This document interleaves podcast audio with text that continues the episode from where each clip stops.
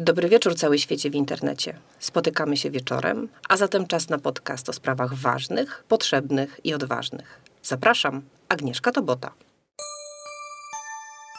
Powiedz o tym komuś. Audycja o Was, dla Was i o nas trochę też. Jaki temat dzisiaj będziemy poruszać? Dzisiaj będziemy poruszać temat sztuki, życia, artyterapii. Dzisiaj temat artyterapii i najlepsza osoba, jaką mogłam sobie wyobrazić, wyobrazić Mariola Pietroń-Ratyńska, malarka, psycholożka, coach, terapeutka, artyterapeutka i kolejna osoba, z którą mnie osobiście połączyła sztuka życia.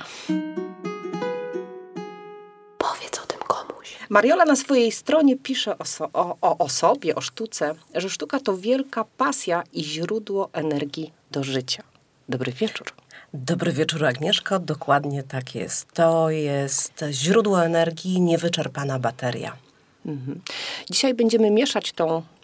mieszać? Może wykładać? Łączyć. Łącz, pięknie. Będziemy łączyć artyterapię z pomocą, z pomaganiem osobom, które są w kryzysach, które doświadczają przemocy. Jak ty to robisz, moja droga? To jest bardzo dobre pytanie, szczerze mówiąc. Trochę mi nim zaskoczyłaś, bo myślałam sobie, że mnie będziesz pytać, a czym jest ta arteterapia i tak dalej. A teraz przechodzimy tak miałam naprawdę do konkretu. Wiesz, miałam takie pytanie, ale stwierdziłam, że co tam. Jak ktoś chce, y, słuchajcie, pozyskać informacje, to te informacje pozyska. Y, na koniec też obiecuję, że powiemy, czym ta artyterapia jest. Trochę zaczniemy od tyłu. Super. E, jak ja to robię? Mm, tak naprawdę poznaję człowieka, który zjawia się u mnie w gabinecie. Czy to jest taki mały, wielki człowiek, który ma lat kilka, czy też kilkanaście bądź kilkadziesiąt. Rozmawiam, sprawdzam, co jest ważne dla tego człowieka, jakie ma zainteresowania, potrzeby, umiejętności. Jeżeli się okaże, że gdzieś jest taki maleńki kawałeczek e, właśnie jakiegoś zamiłowania do rękodzieła, ale też i ciekawości nowych rzeczy, no to wtedy na przykład proponuję. Jeszcze inną sytuacją jest, kiedy w pracy terapeutycznej okazuje się, że mamy jakiś rodzaj bloku, że jest, e, no właśnie, tak nie wiem, mur, e, do którego podchodzimy i tak trochę, trochę tak terapeutycznie podskakuję, zaglądam, co jest za tym murem, ale nie mogę przez niego przejść. Więc wtedy właśnie proponuję inny sposób wyrażenia siebie, na przykład poprzez rysunek, poprzez malarstwo. Ja oczywiście już zrobiłam oddech, żeby ci przerwać, ale drodzy słuchacze, przypomniała mi się rozmowa nasza letnia z Mariolą, kiedy Mariola opowiadała o mm, dziecku, które doświadczało przemocy, które miało ogromną blokadę w wyrażaniu tego, czego doświadcza i co się wydarzyło. Mariola ma ciarki na ręce, ja zresztą też, bo oczami wyobraźni widzę ten obrazek? Słuchajcie, upłynęło kilkanaście lat. Ja wtedy jeszcze nie byłam terapeutką, taką arteterapeutką wykwalifikowaną po szkoleniach, po różnego typu konsultacjach. Ale w pracy takiej terapeutycznej, psychologicznej, pomocowej jesteśmy uczeni różnych działań. I trochę intuicyjnie zaproponowałam tej małej dziewczynce, ona wtedy miała, nie pamiętam, z 7, może z 9 lat, ale do dziś dokładnie pamiętam, jak wyglądała. Więc zaproponowałam jej rysunek, żebyśmy narysowały każda oddzielnie swoją złość ja, tak? E, jakby jej, żeby też odwa- troszkę ją odważyć w tym wykonaniu pierwszego kroku. Oczywiście bardzo pilnowałam tego, żeby nie zerkała do mnie, żeby nie miała szansy gdzieś tam się, e, tak delikatnie mówiąc, inspirować. Więc ta mała dziewczynka, kiedy mi pokazała rysunek, um, wyglądał on bardzo sympatycznie. No, dosyć kolorowy, Natomiast kiedy zaczęła o nim opowiadać, to ja rozumiałam coraz bardziej, w jakiej rzeczywistości, w jakim świecie żyje. Powiedziała, że narysowała robaka, ponieważ bardzo by chciała, żeby jej tata był jak robak. Nie miał ani rąk, ani nóg, bo wtedy nie mógłby rzucać jedzeniem po ścianach. Słuchajcie Państwo, e, gdyby zadać dziecku pytanie wprost, a jak się zachowuje twój tata, co robi w tym czasie twoja mama, dziecko najczęściej z uwagi na lojalność w stosunku do rodziny by nie powiedziało, bo rodzina przecież nawet w naszej kulturze jest najważniejszą wartością. To jest to podstawowe gniazdo, to miejsce, które warunkuje nam poczucie bezpieczeństwa.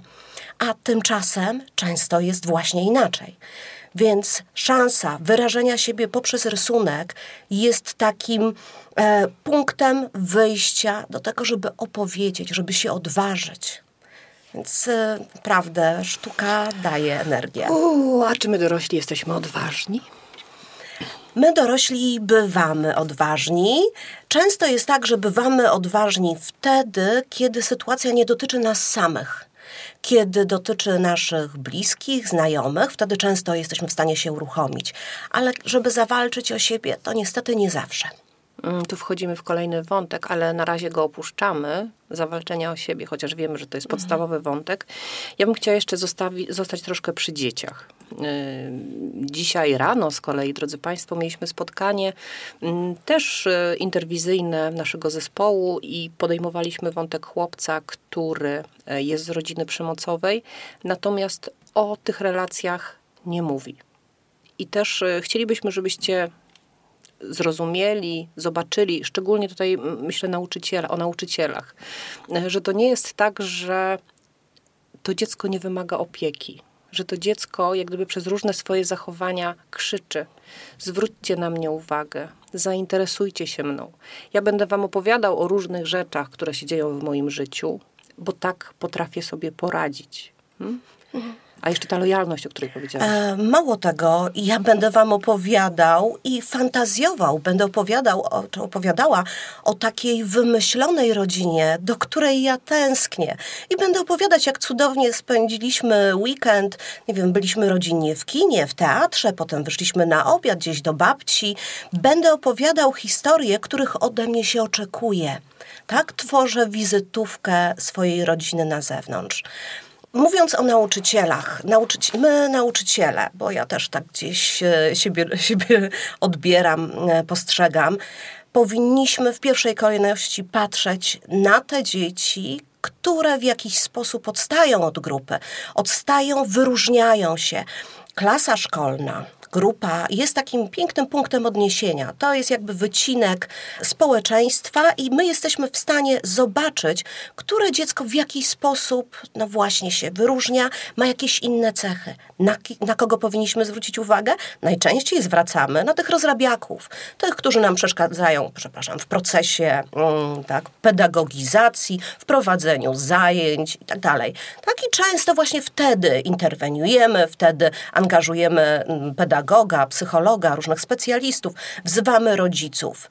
Tak, bo nam ktoś utrudnia naszą pracę, a często zapominamy, nie zauważamy dzieci, które są ciche, które się praktycznie nie odzywają. W, w literaturze dotyczącej e, rodzin przemocowych wspomina się o kilku takich postaciach, kilku typach osobowości, ponieważ dzieci jakby w rodzinach właśnie uczą się konkretnych zachowań.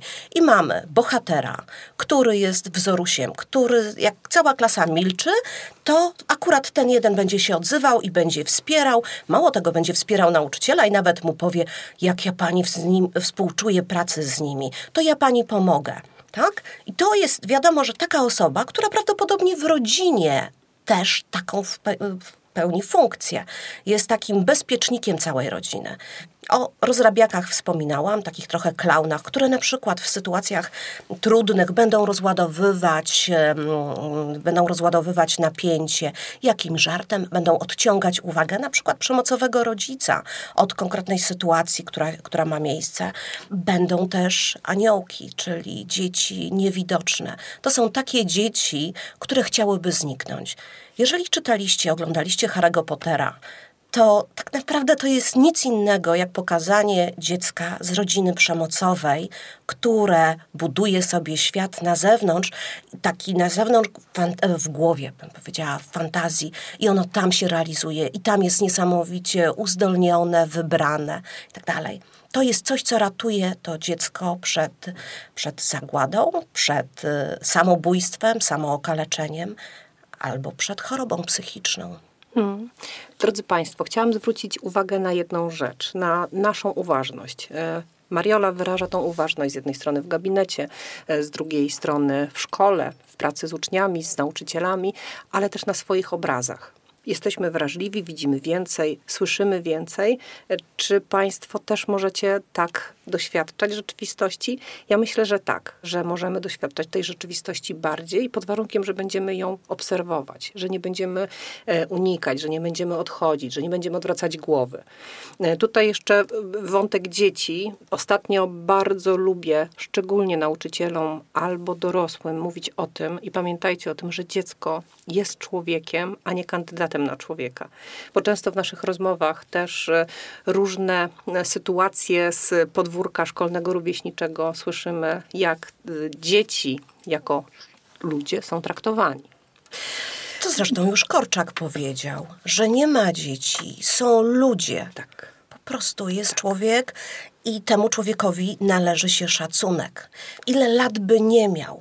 My często, przepraszam, często e, zapominamy o tym. E, właśnie jakby jesteśmy ponad, ten, ponad to dziecko. I ja bardzo często zwracam uwagę na słownik, na to, w jaki sposób pedagodzy mówią, że zniżyć się do dziecka. Nie, szanowni państwo, wznieść się na poziom dziecka w komunikacji. No ale wiesz, no tutaj też patrzymy, w jaki sposób nauczyciele mówią do dzieci. Ja uwielbiam pracować z dziećmi warsztatowo, nie pracując w systemie oświatowym, na podłodze, na tym samym poziomie. Tak? Natomiast widzę obrazki, kiedy małe dziecko pyta dużego nauczyciela, i taka żyrafa jest zapuszczana w dół, no do jasnej ciasnej, to też jest gimnastyka naszego organizmu, żeby na przykład ukucnąć i spojrzeć temu dziecku w oczy. Nie wiem, co ty o tym myślisz. Ależ to jest podstawa komunikacji. To jest pokazanie, że my jesteśmy na tym samym poziomie. Nam należy się dokładnie taki sam szacunek. Ja ciebie, mały człowieku, mały fizycznie widzę.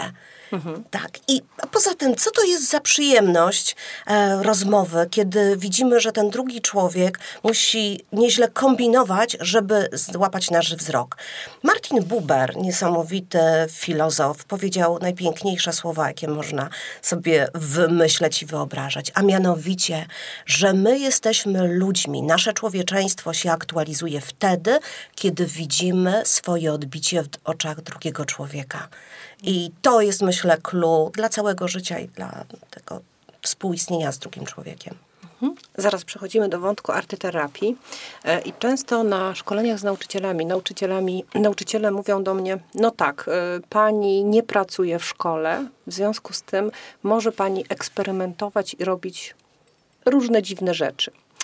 I mówię, słuchajcie, nie pracuję w szkole, oczywiście. Natomiast wasi uczniowie przychodzą do mojego gabinetu, zanim się wejdą w proces terapeutyczny. E, Jeżeli mam dziecko, ja wiem, że też to pewnie trochę przesadzam, które mi wchodzi pod stół, jest tak zalęknione, ma tak duży problem z tym, żeby nawiązać relacje, to ja oczywiście, jak ta wielka e, foka, też się wpełzam pod ten stół. Bo zależy mi na tym, żeby to dziecko poczuło się bezpiecznie przy mnie. Bo wyobraźcie sobie sytuację, e, jak dziecko w domu nie ma poczucia bezpieczeństwa, nie ma w szkole poczucia bezpieczeństwa, no ale dorośli mówią, to teraz idziemy do psychologa, bo musisz się wyprostować, w cudzysłowie oczywiście, i wchodzi do jakiejś kolejnej dorosłej osoby, no to co robi? No gdzieś tego bezpieczeństwa musi poszukać. W domu najczęściej siedzi pod stołem. Tak, albo wchodzi pod kot, zakrywa głowę, za, zakrywa uszy, żeby nie słyszeć, nie widzieć. Tak, po prostu no, chce nie istnieć, chowa się, żeby nikt go nie widział, żeby nikt nic od niego nie chciał. Ale wejdźmy do wątku naszej sztuki, która nas połączyła. Jakie formy najczęściej stosujesz artyterapii w pracy z osobami, które doświadczają przemocy? To jest dla mnie absolutnie mega ciekawe. Najczęściej oczywiście używam tych form, które są dla mnie najbliższe i najprzyjemniejsze. Bo słuchajcie, terapeuta też powinien mieć przyjemność ze swojej pracy. Tak? Oczywiście. No więc, więc e, u mnie najczęściej się maluje. Najczęściej używam farb akrylowych, czasem kredki, jakieś ołówki, ale to naprawdę w wyjątkowych sytuacjach. Natomiast farby bardzo zachęcam, żeby malować dłońmi, ponieważ dłoń jest naszym pierwszym narzędziem. Wcale nie pędzle, nie jakieś szczotki, inne tego typu rzeczy, gąbki dłoń, ponieważ my już od momentu tych pierwszych chwil w życiu, e, w brzuchu u mamy, właśnie mamy tą dłoń do, e, do dyspozycji, eksplorujemy dotykiem świat. Poza tym jest też pamięć ruchu, więc my pewne rzeczy jesteśmy w stanie naprawdę, nawet teraz wyobraźcie sobie Państwo taką sytuację. Proszę zamknąć oczy i sobie wyobrazić, że rysujecie, malujecie jabłko. Jaki ono ma kształt, tak?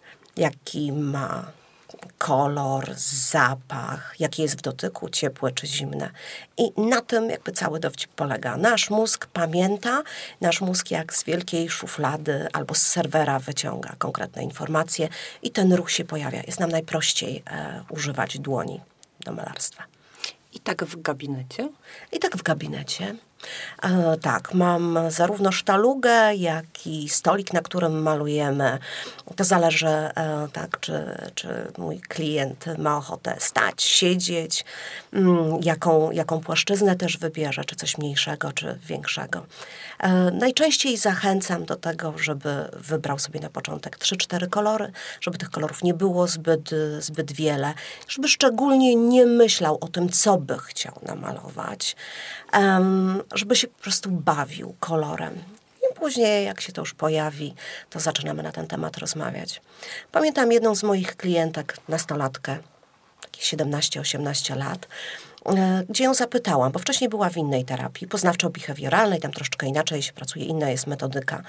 Mm, zapytałam ją, dlaczego do mnie przyszła. Ona mówi, wie pani, bo u pani się maluje a ja czasem nie potrafię powiedzieć, co myślę i czuję, ale jak to już zobaczę, to mogę o tym zacząć opowiadać. I to jest, myślę, jakby clue. To jest też taki dobry początek e, rozmowy o emocjach, o tym, co w nas siedzi, jakie mamy lęki. Tak, teraz jak zamknęłam oczy, jak mówiłaś o jabłku, to tak sobie pomyślałam, że to w ogóle jest taki wspaniały wyraz tego, jak mamy barierę w słowach, mówieniu. Ale rzeczywiście, poza tym e, język polski jest niesłychanie bogaty. Określeń do stanów emocjonalnych jest całe multum. Natomiast je nazwać, określić, to jest bardzo trudne, szczególnie jeżeli mamy wiele sprzecznych emocji. Czym jest na przykład e, doświadczanie pustki? Ktoś, kto mówi, że czuje pustkę, że nic nie czuje, to znaczy, że jest tak wiele sprzecznych, że on, sprzecznych emocji, że one się wzajemnie znoszą. Że nie jest w stanie, po prostu ma taki chaos człowiek w głowie, że nie jest w stanie tych emocji określić. Ale teraz y, myślę, że ważnym wątkiem jest to, żeby nie wszyscy się brali za tą psychoterapię, y, artyterapię, przepraszam. Bo tak naprawdę jak mamy dużo różnych y, dziwnych miejsc i słyszymy to od swoich klientów, gdzie ktoś powiedział, że przyjdzie pani do mnie na cztery sesje i będzie wszystko pięknie, zaraz coś sobie myśli, no przyjdę na pięć sesji, pomaluję sobie, pomaluję sobie, spotkam się ze sobą i dziękuję bardzo. Czyli tutaj przygotowanie, kompetencje, jakbyś mogła ten wątek troszkę. To jest, e, to jest bardzo ważny aspekt i bardzo dziękuję Ci, Agnieszko, że o tym e, mm, wspominasz. A i owszem, w procesie kształcenia psychologów e, mamy takie momenty, w których poznajemy rysunek terapeutyczny mm, i uczymy się go analizować. Ale to jest zupełnie inna historia. Arteterapeuta to jest osoba, która wykorzystuje, świadomie wykorzystuje mm, narzędzia sztuki do pracy psychoterapeutycznej. Może w taki sposób funkcjonować e, tak, w swojej metodologii, kiedy przejdzie konkretne szkolenie, gdzie uczy się w jaki sposób używać konkretnych narzędzi, jak interpretować i też, e, no cóż, ma konkretną wiedzę, taką, która powoduje, że jej klient jest bezpieczny, bo mogą być niewłaściwe interwencje i czasem o nich niestety słyszymy, to tak zwanych wciskach. A, to takie mm, potoczne określenie. To znaczy, że terapeuta jakby interpretuje i przekonuje swojego klienta że do tego. To jest jedyne słuszne. Tak, jedyne słuszne, że, że to jest dokładnie to, co on myśli i czuje. Więc musi być bardzo konkretne y, przygotowanie i szczerze mówiąc, dobrze, jeżeli taki już wykształcony artyterapeuta ma innych arteterapeutów z, z większym doświadczeniem, gdzie może superwizować, gdzie może porozmawiać na temat konkretnych sytuacji, tak, swo- ze swojego gabinetu. Ale też myślę sobie, wiesz, że to jest doskonała forma profilaktyki. Ależ to jest cudowna, cudowna forma pro- profilaktyki i teraz mogę szybko powiedzieć, że zdarzyło nam się e, z moją przyjaciółką, też arteterapeutką, napisać e, dwie bajki i później te bajki terapeutyczne zastosowałyśmy podczas zajęć. Podczas zajęć profilaktycznych, gdzie jakby Podstawowym celem było, żeby troszeczkę wzmocnić dzieciaki, żeby potrafiły się obronić w różnych sytuacjach, żeby wiedziały, gdzie szukać pomocy. Bajka była o krasnoludku Hipolicie pod tytułem Mały Wielki Człowiek. I tenże, tenże krasnoludek miał masę kompleksów. I cały czas, przepraszam, kombinował, w jaki sposób się przypodobać ludziom naokoło.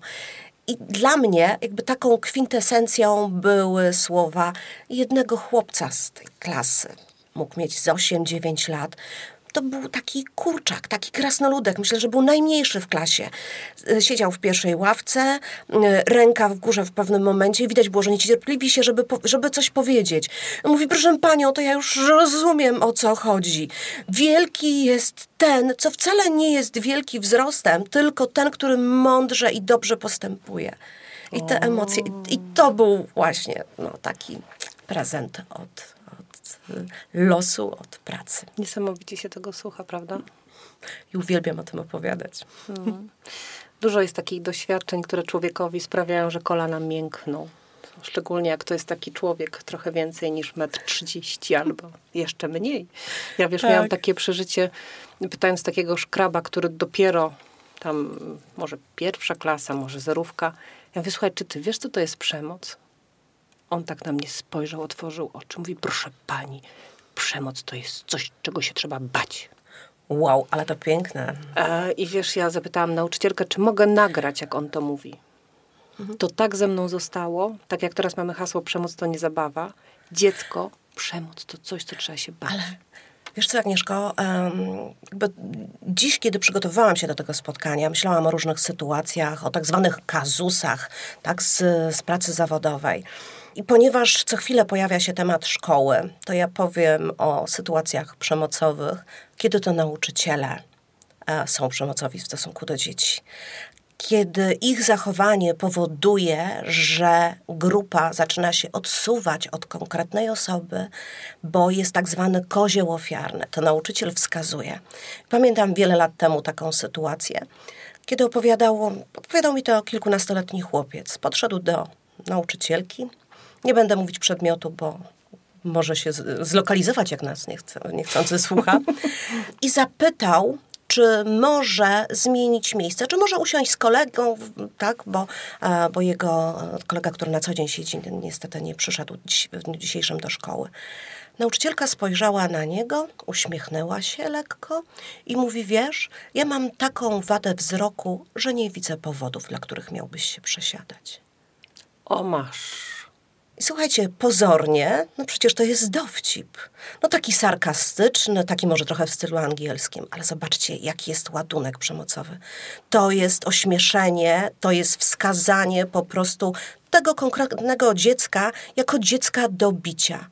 I wyobraźcie sobie, jeżeli w klasie są jakieś dzieciaki, które są sfrustrowane, sytuacja szkolna, sytuacja oceny, rywalizacji jest sytuacją wysoce frustrującą. Więc często dzieciaki odreagowują te napięcia, chociażby wchodząc w zachowania agresywne. I ten nauczyciel wskazał konkretnie dziecko, które może być takim dzieckiem do bicia. Poruszyłaś bardzo trudny wątek. E, To jest jeden z wątków, który powoduje u mnie duży poziom, nie chcę użyć brzydkiego słowa, frustracji, e, jak e, widzę właśnie nauczycieli, którzy przychodzą e, i mówią, że mają bardzo niegrzeczne dzieci, że są beznadziejne, że ta klasa do niczego się nie nadaje, że się nie uczą, nie zachowują i tak dalej. Ja mówię, dobrze, a proszę mi powiedzieć trzy rzeczy dobre o tych dzieciach. Ja mówię, a żeby pani utrudnić, to najpierw mi proszę powiedzieć trzy rzeczy dobre o pani. My nie będziemy tak rozmawiać w ten sposób. Ja przyszłam po konkretną pomoc, proszę pani, a pani tutaj personalne wycieczki do mnie sobie uskutecznia. Hmm? I pokazuje, co tutaj się zadziało. Ja nie mam żadnego interesu w tym, żeby panią w ten czy w inny sposób y, uświadamiać. Natomiast pani do mnie przyszła z zachowaniem jakim? No, agresywnym, delikatnie rzecz mówiąc, w stosunku do swojej klasy, której jest wychowawcą. Tak sobie wzdychamy teraz Poraża, mocno. porażające i bardzo smutne. No, ale... Temat nauczycieli myślę, że pociągniemy na, y, podczas kolejnej rozmowy, bo teraz słuchajcie, chciałabym, żeby ta nasza wspaniała Mariola, ja mówię wspaniała, bo mam do tego pełne przekonanie, żebyście widzieli, jak ona maluje z naszymi seniorami, jakie tam dzieła sztuki powstają, powiedziała dokładnie, czym ta, ta artyterapia jest, a czym nie jest. Najprościej byłoby powiedzieć, że arteterapia to jest wykorzystanie narzędzi sztuki, szeroko rozumianej sztuki, w pracy terapeutycznej z pacjentem, klientem. Wykorzystanie świadome. Zastosowanie arteterapii jest w konkretnych sytuacjach i mówimy o trzech przypadkach. Kiedy chcemy utrzymać poziom, tak, kondycję, poziom dobrostanu, kondycję psychofizyczną e, naszego klienta i po prostu tak, dajemy te narzędzia, jakby nie chcemy jakby szczególnie czegoś zmieniać. Czyli utrzymanie poziomu dobrostanu. Dwa, poprawa, mm, czyli właśnie takie działanie trochę rehabilitacyjne, usprawniające. I trzeci poziom to jest rozwój osobisty. Arteterapia jest narzędziem, które możemy wykorzystywać w rozwoju osobistym.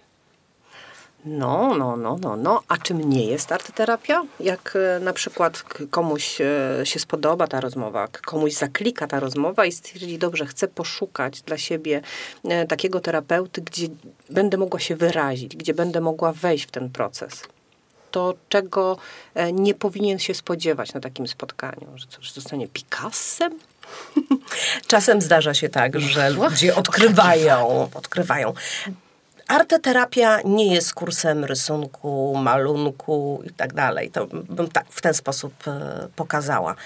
To jest e, narzędzie, które, to jest metoda pracy, która daje właśnie szansę na poprawę, poprawę dobrostanu, rozwój i tak dalej.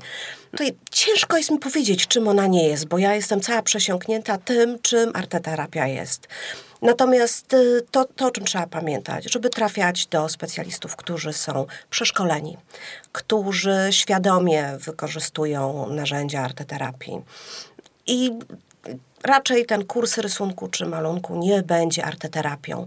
Możemy też oczywiście samodzielnie starać się pracować, e, tak, sami ze sobą, e, w ten sposób się relaksować. Natomiast wtedy ta arteterapia, no myślę, że będzie taka troszeczkę niepełna. Pamiętajcie też, że artterapeuta, e, psychoterapeuta jest, powinien być pod superwizją. Czyli Czyli powinien co jakiś czas e, chodzić na takie spotkania do innego, mądrzejszego, bardziej doświadczonego arteterapeuty, psychoterapeuty, żeby móc porozmawiać na ten temat, co się dzieje u, u niego w gabinecie, jak wyglądają relacje terapeutyczne, tak, z, z klientami.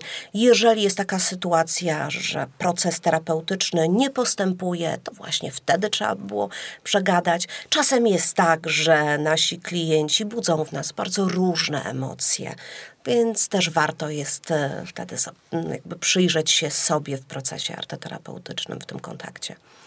A na koniec, drodzy Państwo, e, taka trochę reklama, bo z Mariolą knujemy e, tutaj uruchomienie grupy też dla kobiet.